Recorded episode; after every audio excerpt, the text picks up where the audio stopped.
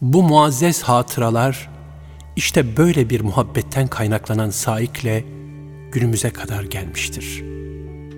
Saç ve sakallarının mübarek telleri cami minberlerinde saklanarak sakalı şerif adıyla asırlardan beri ümmete rahmet ve aşk heyecanı olmuştur. Misallerde görüldüğü gibi Peygamber Efendimiz sallallahu aleyhi ve selleme muhabbetin bereketi yalnız manevi alemde tezahür etmez. Zahir alemde de o feyiz ve bereketin müşahhas tezahürleri olur. Bunun en iyi misali Osmanlı Devleti'dir. Onlar devletlerini çoğu kere Devleti Muhammediye suretinde adlandırmışlardır.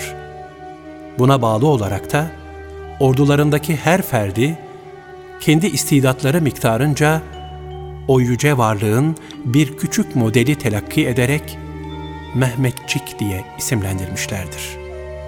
Nitekim Osmanlı Devleti'nin tarihteki diğer İslam devletlerinin hepsinden daha uzun bir ömürle muammer olması da böylesi bir hassasiyetten kaynaklanır. Yani devlet ricalinin başka meziyetleri yanında bir de ve en ehemmiyetli olarak Peygamber Efendimiz sallallahu aleyhi ve selleme tekrim ve muhabbette erişilmez bir zirvede oluşları onları muazzez ve muammer eylemiştir. Diğer taraftan ona muhabbetin zirvelerinde asr-ı saadetten bugüne kadar nice tecelliler ve müstesna haller yaşanmıştır. Nitekim seyahat imkanlarının çok mahdut olduğu ve yolculuğun da pek güç şartlar altında gerçekleştiği dönemlerde dahi o coşkuyla akmış akmıştır.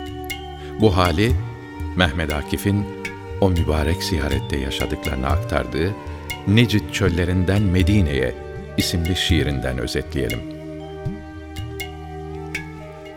Yol boyunca uzayıp giden bitmez çöller.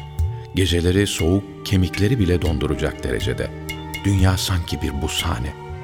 Gündüzleri ise kuytu ve gölgeler bile adeta fırın, her yer kavruluyor. Sanki bir cehennem ki dili çıkmış soluyor. Kafileler ateş dolu dalgalar üstünde yüzen mahşer gibi. Gönüller binbir alev tufanıyla boğuşarak yol alıyor. Bütün bu şartlar altında nihayet Ravza-i Mutahhara'nın yeşil kubbesi görünüyor. İşte o an yüreklere birdenbire apayrı bir hayat suyu serpiliyor.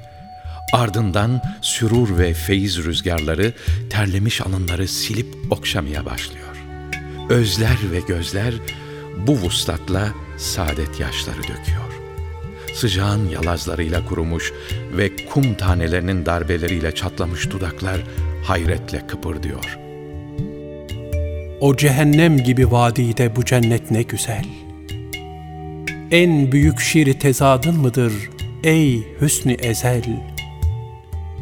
Sana bir mısrayı bercestedir etmiş ki sünuh, duyar ama varamaz yükselen ahengine ruh.